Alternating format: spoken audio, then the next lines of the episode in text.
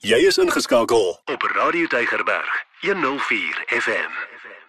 Liewe vriende, dis weer eens 'n wonderlike voorreg. Dis altyd 'n voorreg om net u te kan deel en net ons gedagtes bietjie oop te kan maak om te dink oor ons huwelike en ook te kan bid oor ons huwelike. Jy sien ons gemeenskappe lyk soos wat dit lyk omdat ons huwelike lyk soos wat dit lyk, omdat ons gesinne lyk soos wat dit lyk en dit is eintlik baie hartseer. Ons kinders is baie keer aan hulle self oorgelaat omdat mamma en pappa nie meer die tyd en die energie het om aan hulle te spandeer nie en ons hoop dat ons kinders eendag goeie kinders sal wees dat hulle eendag die regte pad sal loop en sal weet hoe om dinge te doen En dan mis ons dit ongelukkig. Ek sê altyd, jy kan hoe hard insit in jou kinders, dan maak hulle nog steeds 'n klomp foute. So as jy hulle glad niks by hulle insit wat reg is en wat vir hulle op hierdie pad kan help nie, hoe gaan hulle op die regte pad kan kom? So dit is baie belangrik dat 'n mens besef as ons oor hierdie dinge praat, dat ons net vir onsself sal afvra, doen ek my deel? En niemand van ons kan superpappas en supermammas wees en superman en 'n supervrou wees nie, maar ons kan ten minste ons bes te doen en ons kan ten minste gebruik maak van die geleenthede wat daar is. So ek vertrou weer eens dat hierdie geleentheid wat ons het om met mekaar te kan praat, dat dit vir elkeen tot seën is. Kom ons bid saam. Here, baie baie dankie dat ons so bevoorreg kan wees om hierdie tydjie saam te kan deurbring. Dankie dat ons ten minste net van hierdie aspekte wat die huwelik raak kan aanraak en dit net oopmaak sodat mense daaroor kan dink en dat mense kan besin en kan vir myself afvra, dink ek hieraan, het ek planne om dit te hanteer, uh, sekere aspekte van my huwelik te hanteer. So ek bid en vra, Here, kom net asseblief en word verheerlik in ons lewens. Ek bid vandag vir elke huwelik wat swaar kry. Ek vra, Here, vir uitkoms vir verligting, nie in 'n egskeiding nie, nie in 'n bed en tafel skeiding nie, maar Here, ek bid vir 'n uitkoms wat van die Here af sal kom, want U, Here, het die huwelik ingestel en U weet wat U bedoeling met die huwelik was en my gebed is dat dat dit in elke huwelik bereik sal word in die naam van Jesus kom pleit ek dit. Dankie Here dat U saam met ons is en dankie ook vir U woord wat U vir ons gee. Seën ons dan nou, seën elke luisteraar ook in die naam van Jesus bid ons dit en met baie danksegginge. Amen. Vriende, ek wil graag saam met u lees hier in Handelinge hoofstuk 5 Handelinge hoofstuk 5 en ek lees vanaf vers 1 tot en met vers 11. Maar 'n sekere man met die naam van Ananias het saam met sy vrou Safira 'n eiendom verkoop en ook met die medewete van sy vrou van die prys agtergehou en 'n sekere deel gebring en aan die voete van die apostels neergelê. Toe sê Petrus: "Ananias, waarom het die Satan jou hart vervul om vir die Heilige Gees te lieg?" En van die prys van die grond agter te hou. As dit nie verkoop was nie, het dit nie joue gebly nie. En toe dit verkoop is, was dit nie in jou mag nie. Waarom is dit dat jy hierdie saak in jou hart voorgenem het? Jy het nie vir mense gelieg nie, maar vir God. En toe Ananias hierdie woorde hoor, het hy neergeval en gesterwe en 'n groot vrees het gekom oor almal wat dit gehoor het. Daarna het die jong manne opgestaan en hom toegedraai en uitgedra en begrawe. En na verloop van omtrent 3 uur kom sy vrou in sonder om te weet wat voorgeval het en Petrus het haar aangespreek: "Sê vir my of jy die grond vir soveel verkoop het." En sy sê: "Ja, vir soveel." En Petrus sê vir haar: "Waarom het julle ooreengekom om die gees van die Here te versoek?" Kyk, die voete van die wat jou man begrawe het is by die deur en hulle sal jou uitdra. Toe val sy onmiddellik aan sy voete neer en het gesterwe. En die jong man het gekom en haar doodgevind en haar uitgedra en by haar man begrawe.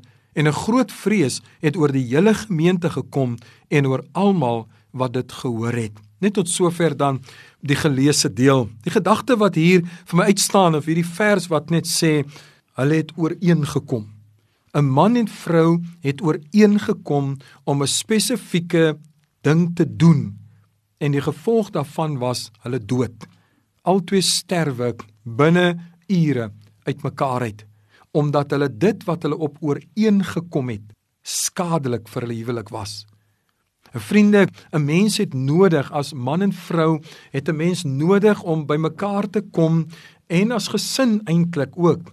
En dat 'n mens vir jouself moet afvra, waartoe kom ons ooreen wat ons huis betref, wat ons huwelik aanbetref? Wat is dit wat ons saam besluit om na te jaag? Watter soort familie wil ons wees?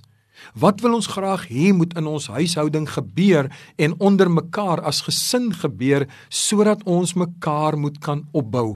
Wat sit ons in plek dat wanneer iemand in die huis deur 'n krisis gaan, die vrymoedigheid sal hê om met sy of haar familie te deel waaroor dit gaan. So, waartoe kom ons ooreen? Ek wil graag vandag weer 'n uh, aspek of twee aanraak en ek wil praat juis oor familie en skoonfamilie. Nee, want dit dit speel mos nou 'n rol. Nou so baie kere dan sê 'n paartjie vir mekaar, "Wel, ek trou met jou en nie jou familie nie." Nee, en en ons gaan ons eie lewe bou. Nou vriende, dis 'n wonderlike idee wat in die kop is. Maar dit is nie 'n werkbare idee nie. Dood eenvoudig dat jy trou nie met 'n eiland nie. Niemand in hierdie lewe is 'n eiland nie. Ons almal het koneksies. En elke mens, elke individu wat daar is, het familie. En daarom is dit belangrik dat 'n mens moet onthou dat wanneer ek met 'n vrou trou, wanneer ek met 'n man trou, dan ek trou nie met die familie nie, maar hulle het familie waaraan hulle verbonde is. En ons moet onthou en dit is die dit is die opdrag wil ek amper sê wat belangrik is en dit is dat respekteer jou maat se familie. Moenie omdat die familie nie soos jou familie is nie. As jy dalk uit 'n gegoede familie uitkom en jou maat uit 'n minder gegoede familie, moenie dink dat jy beter is nie.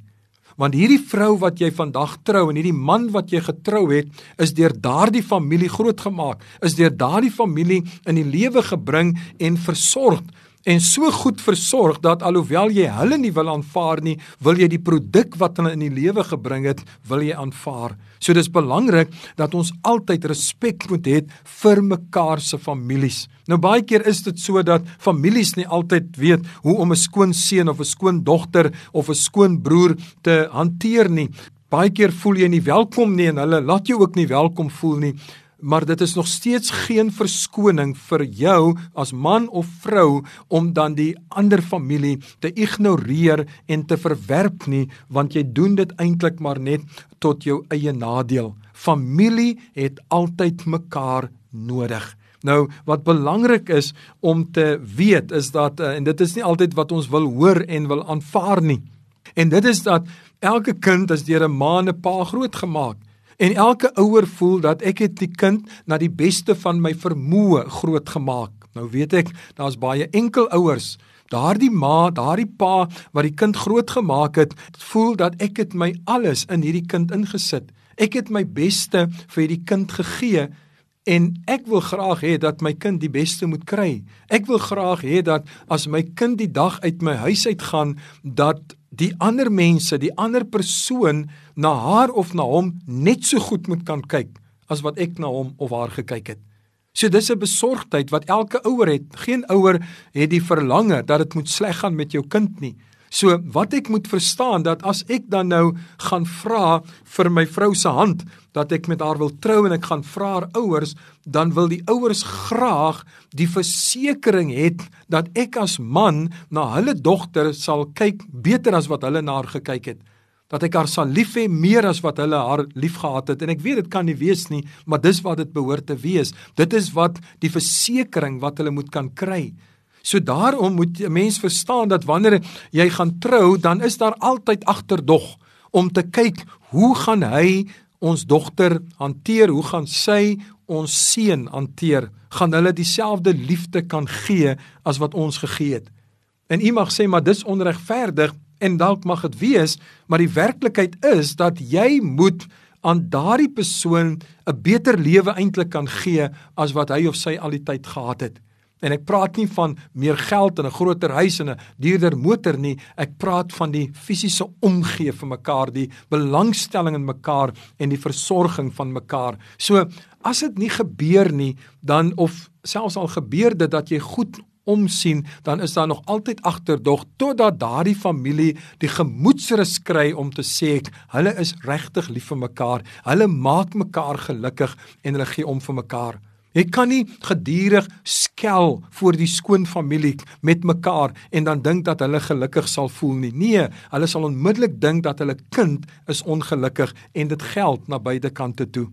'n Interessante ding wat iemand eendag gesê het wat my geweldig getref het en is interessant dat die Bybel praat ook daarvan en ek sê dit nou in 'n ligter trant, maar is interessant dat die Bybel sê dat daar sal daar sal onmin wees tussen 'n skoondogter en 'n skoonmoeder, maar dit sê nêrens van die skoonseun en die skoonpa nie. So dit sê iets van vrouens ehm um, vind dit moeilik om regtig mekaar te aanvaar en veral wanneer dit in hierdie familieopset is van 'n skoondogter en 'n skoonma. Jy vind altyd mos maar uit of jy hoor baie kere dat dat die skoonmaas nie so lekker nie, nê. Nee.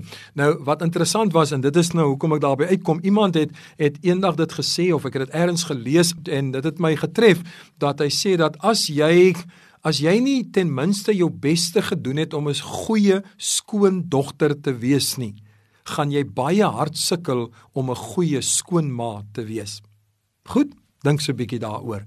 Nee, so met ander woorde, dit is belangrik dat 'n mens moet besef dat wanneer jy in 'n ander familie introu, dat jy daardie familie moet respekteer, want dit is jou vrou se familie, dit is jou man se familie en jy kan nie van haar of van hom verwag dat hulle hulle rug moet draai op hulle familie omdat jy nie van hulle familie hou nie. So dis baie belangrik. Maak nie saak al sou jou skoonpa of skoonmaale drinkers wees en jy hou nie van drank nie, dan kan jy hulle nie afskryf skryf en hulle uit jou lewe uitwens nie. Dit bly nog steeds mense, Godgeskape mense en alle mense, dis vir my die mooi van die lewe.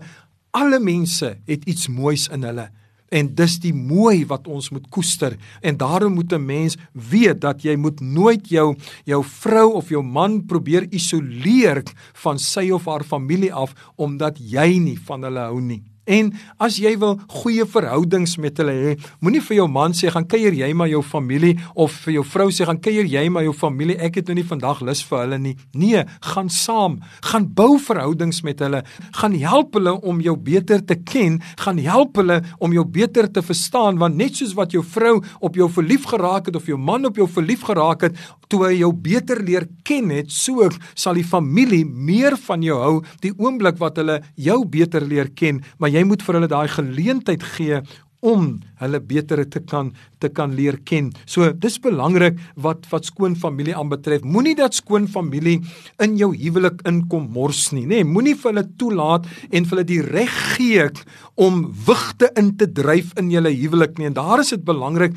dat as jy as vrou sou agterkom dat jou familie probeer 'n wig indryf, dalk jou suster, dalk jou broer of iemand in jou familie, dan moet jy dit kan uitblok uit jou lewe uit en jy moet nie dit toelaat nie. Jy moet dit kan weerstaan saam met jou man en jou vrou sonder om nou noodwendig vyande te maak, maar net om te weet dat my broer of my suster of my ma of my pa is nie baie goed vir ons huwelik nie en dan te weet hoe om dit saam te hanteer en nie kwaad dan te raak as die persoon iets doen of iets sê nie maar om te weet wel hierdie persoon is nie positief vir ons huwelik nie ons identifiseer dit en ons en ons laat dit gaan ons steur ons nie daaraan nie want ons het mekaar en ons is lief vir mekaar. So dit is baie belangrik glo ek wat 'n mens moet kan aandink. Nou wat belangrik ook is liewe vriende is dat 'n mens moenie skaam wees om hulp te kry as jou huwelik in 'n krisis is nie. Onthou, niemand kan vir jou sê hoe jou huwelikspad gaan loop nie, niemand nie. Niemand kan vir jou voor die tyd sê of daar siekte gaan wees of daar werkloosheid gaan wees, jy weet of wat die wat die geval gaan wees nie. So daarom is dit belangrik dat 'n mens moet weet dat jy kom in in jou hele lewe, het sy by die werk, het sy 'n familie, het sy waar ook al in jou finansies, gebeur dit dat daar krisisse ontstaan. En dan is dit belangrik om te weet waarna toe gaan jy as jy in hierdie krisis is. So En weer eens manne hou nie daarvan om raad te kry vir hulle huwelik nie want hulle eerste reaksie is net nou dink hulle ek is 'n slegte man of hoekom kan ek dit nie hanteer nie? Wel, niemand kon vir jou sê hoe jou huwelik gaan uitdraai nie. Niemand kon vir jou sê wat die uitdagings gaan wees wat jou huwelik in die gesig gaan staar nie. So daarom is dit belangrik dat 'n mens moet vrymoedigheid neem, gaan sien 'n beraader, gaan sien 'n dominee, gaan sien 'n pastoor, gaan soek hulp en sê help my hiermee, gee vir ons raad want ons het dit nodig. Hoekom is dit belangrik? Want jy sien wanneer 'n mens by mekaar betrokke is, is daar emosies betrokke. En ons het gepraat oor kommunikasie. So as jy voel jou maat kom jou te na, dan is die probleem dat jy is so gereed om te veg en jy luister met 'n verkeerde oor, maar die oomblik wat daar 'n derde persoon kom en eintlik net sê praat, sê wat pla jou, wat pla jou, dan hoor julle mekaar, dan luister julle na mekaar terwyl as julle twee alleen is, dan stry julle met mekaar en dan beklei julle met mekaar en julle skel op mekaar terwyl die oomblik wat daar 'n beraader by is wat net vir julle kan rustig hou, dan hoor julle wat die een die ander sê. En hoeveel keer was dit nie al die oplossing vir baie huweliksprobleme nie? Weet wanneer jy luister na die twee partye en die een dink my vrou is my vyand en die vrou dink my man is my vyand en jy sê vir hulle, "Het jy gehoor wat jou maat sê?" Het jy gehoor dat jou maat sê omdat ek lief is vir jou, omdat ek lief is vir my vrou, omdat ek lief is vir my man, pla hierdie ding my of voel ek ongelukkig oor hierdie ding. Dis nie omdat ek wil beklei nie, maar omdat ek lief is vir haar of lief is vir hom. En daarom daar's geen verleentheid aan verbonde as jy hulp gaan kry nie. So vriende, ek vra baie keer vir paartjies, wie het voor huwelikse berading gehad? En dan in die meeste gevalle niemand nie. Of hulle het een gesprek met die persoon gehad wat hulle sou trou waar hulle die huweliksdag bespreek het en dan het hy vinnig so vir hulle 'n bietjie raad gegee oor die huwelik en daar gaan hulle en nou is hulle gereed vir die huwelik Niemand van ons kan ooit regtig gereed wees vir die huwelik nie, maar dit help baie as 'n mens voor huwelikse berading gekry het. Hierdie dinge wat ons nou oor praat, as iemand met jou daaroor gepraat het, sodat wanneer daar situasies in jou huwelik opduik wat wys in hierdie rigting, dan kan julle vir mekaar sê, "Maar ons het mos hiervan gehoor. Ons het mos hieroor gepraat. Ons moet nou versigtig wees hoe ons dit gaan hanteer." So dit is uiters belangrik dat daar vandag se tyd voor huwelikse berading moet wees en dan natuurlik dat 'n mens bereid sal wees om raad in te win. Jy weet ek het al die voorreg gehad om met so baie paartjies te sit, dan kom hulle by jou aan, dan sê hulle ons het nou besluit ons gaan skei, dis die laaste uitweg. En weet jy wat het ek al vir baie paartjies gesê? Dan sê ek wel, um, dis reg, julle gaan skei en dit lyk nie vir my ek kan enige verskil daaraan maak nie, maar aangesien julle dan nou klaar weet wat julle gaan doen, maar julle wag nou vir die skei dalk om deur te kom, 'n skei datum of wat ook al, dan nooi ek julle uit. Kom ons sit vir 6 sessies, dan praat ek sommer maar net met julle oor die huwelik en ek praat met julle oor die vers verskillende fasette van die huwelik en en dan teen die tyd wat ons klaar is, dan is julle skei mos seker ook amper al deur. Nee, julle julle kan nie slegter afwees as wat julle nou is nie, want julle praat al klaar van skei en julle is besig om dit aanhangig te maak. En dan baie paartjies val in die struik. Dan sê hulle ja, wat kan dit nou skade doen? Dit gaan ons weet mos klaar wat ons gaan doen. Weet jy na 6 sessies dan sê hulle ons gaan nie meer skei nie. Ons het sekere dinge het ons vernalatig. Sekere dinge het ons glad nie geweet van nie. Ek het die voorreg om baie keer en ek is nie 'n regtige beraader nie. Ek het nie al die inligting nie, maar weet jy, ek was bevoorreg dat toe ek en my vrou gaan trou het, het ek ook die dominee gekies wat ek wou hê, die beste ou wat ek die liefste voor was om my te trou en toe sê hy vir my enige tyd, maar ek het in elk geval nie 'n huwelikslisensie nie, maar ek sal graag by jou troue wil preek en ek sal graag wil hê dat jy en jou vrou moet kom dat ek en my vrou met julle bietjie kan deel oor die huwelik. En vriende, ek en my vrou sê baie keer, wat sou van ons geword het as ons nie hierdie inligting gehad het nie. So deur die Here se genade het hy ons gedra en kon ons dinge hanteer en daar was baie uitdagings ook op hierdie lewenspad, maar deur die Here se genade het ons dit gemaak tot hier toe en ons weet ons sal by mekaar wees totdat die dood ons eendag skei. En dit is alles deur die Here se genade, maar daardie inligting wat ons daar ontvang het het was so belangrik, krities belangrik vir ons. En omdat ek toe uitgevind het in daardie tyd, maar bitter min predikante doen dit pastore, maak nie saak wie nie, en wat nog van die wat in die hof gaan trou wat glad nie enige raad kry nie en dan op hulle eie hulle huwelike gaan bou.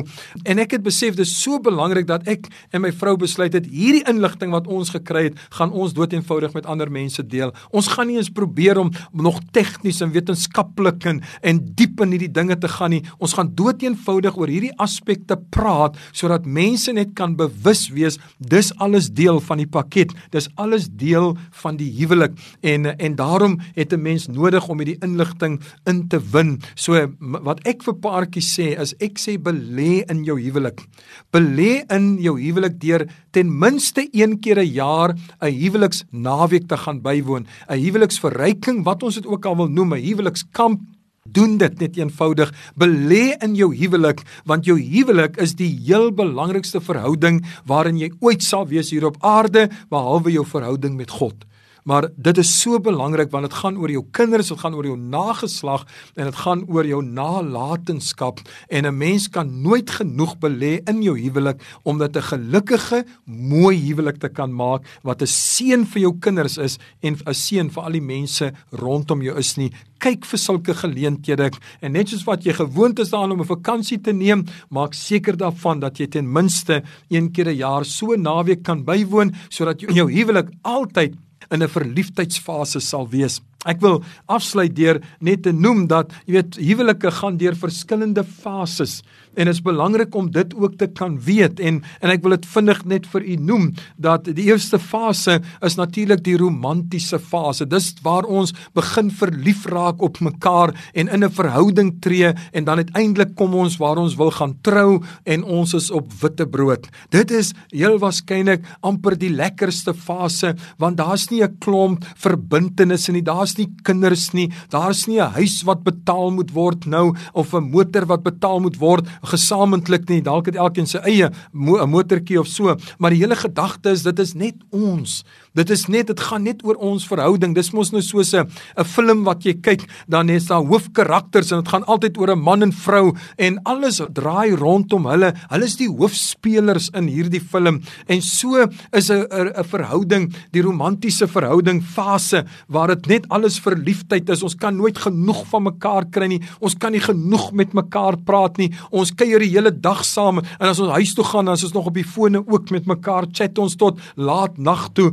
want want dit is so spesiaal en is goed, daar's niks daarmee fout nie. Maar dan is daar die oorgangsfase, nê, nee, en dit is nou van witbrood af na ek wil amper sê die realiteitsfase van nou, ons is nou man en vrou Ons sien nie mekaar net sporadies sekere tye, naweke of in die aande nie. Ons sien nou mekaar elke dag. Nê, nee, ons ons gaan slaap saam met mekaar, ons word wakker saam met mekaar. Ons leer mekaar se gewoontes ken, die goeie gewoontes en die slegte gewoontes wanneer 'n mens mos nou maar uitgaan dan sit jy die beste voet voor jy lyk op jou beste en al die dinge maar nou sien jy hoe lyk sy as haar hare deurmekaar is en al daai tipe dinge wanneer sy sommer net haar sloffie klere aan het. Nou sien jy dit en en dit is hierdie volgende fase en dan gaan dit oor na hierdie werklikheidsfase waar werk en huis en motors en al die die waardes van jou huis kinders, skoon familie, al hierdie dinge word nou so deel van jou lewe en jy besef nou dit is waartoe ons getrou het. Is nie net hierdie vrou wat ek gevat het, hierdie man wat ek gevat het nie. Daar's ander aspekte wat alles deel word daarvan. En dan, liewe vriende, as 'n mens nie hierdie fases goed hanteer nie, hierdie eerste 3 fases nie, dan kom jy by 'n fase wat ons noem 'n aanvallende fase. Met ander woorde, ek begin nou om om my maat te blameer. Ek begin nou soos Adam en Eva, hulle was so lieflik saam vir so baie jare. Maar toe sonde inkruip, toe sê Adam, Here, dis die vrou wat jy vir my gegee het.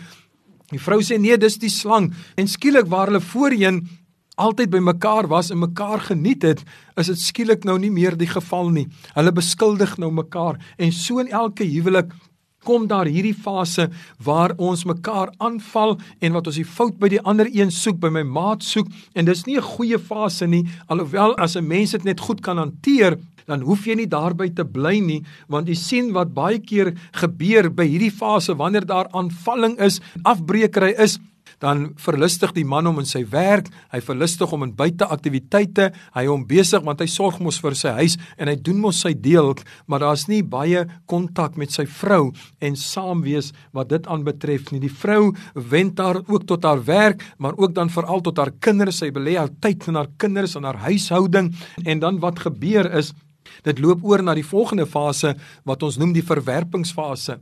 En dit lê ook op twee vlakke en dit is eerstens kan dit wees sommer net 'n emosionele onttrekking. Elkeen gang net gaan net sy eie gang. Daar's nie veel kommunikasie nie, daar's glad nie diep kommunikasie nie. Ons praat oor saaklike dinge, maar daar's nie veel wat ons bymekaar hou nie, want ons voel te seer, daar is bitterheid, daar's seer in ons lewens en ek voel dis my maat se skuld en en dan is dit die hartseer en dan natuurlik die uiterste van hierdie verwerpingsfase is wanneer ons fisies aan mekaar onttrek en dit beland in die skei hof en dit is die hartseer daarvan. So vriende, as ons praat oor hierdie dinge rondom die huwelik, dan is die bedoeling daarmee om mense te help om nooit oor skei te praat nie, om nooit oor skei te dink nie, maar altyd om te dink aan oplossings, hoe ons die volgende deel gaan aanpak en hoe ons by 'n oplossing gaan uitkom vir die probleem wat daar is. Mag die Here u seën, mag hy sy hand oor u hou en ek vertrou dat dit wat ons tot nou toe gedeel het, dat dit vir u ietsie gee om oor te dink om met mekaar te praat en te werk aan dinge wat jy weet ons kan by die oplossing uitkom. Kom ons bid saam. Vader, Baie baie dankie dat ons net in hierdie dag kan weet dat daar is niemand soos U nie. Daar is niemand, Here, wie met U vergelyk kan word nie. En ons dankie Vader dat ons oor hierdie aspekte met mekaar kan praat, dat ons Here maar net kan besef vandag hoe belangrik dit is om te weet dat die huwelik gaan nie net oor 'n man en vrou wat lief is vir mekaar en in die bed saam met mekaar is nie, maar dit gaan oor hoe om elke dag vir 10, vir 20, vir 30 tot 50, 60 jaar gelukkig saam te kan wees deur die krisisse, deur die uitdagings, maar om vir myself te kan sê, daar is nie 'n ander vrou vir my as die vrou met wie ek getroud is nie. Daar is nie 'n ander man as die man met wie ek as vrou getrou het nie. Daar is nie ander kinders vir my as die kinders wat die Here vir ons gegee het nie. Help vir ons, Here, seën vir ons asseblief en word verheerlik in ons lewens in Jesus naam bid ons dit. Amen. Elke dag jou nommer 1 keuse. Radio Deugerberg 104 FM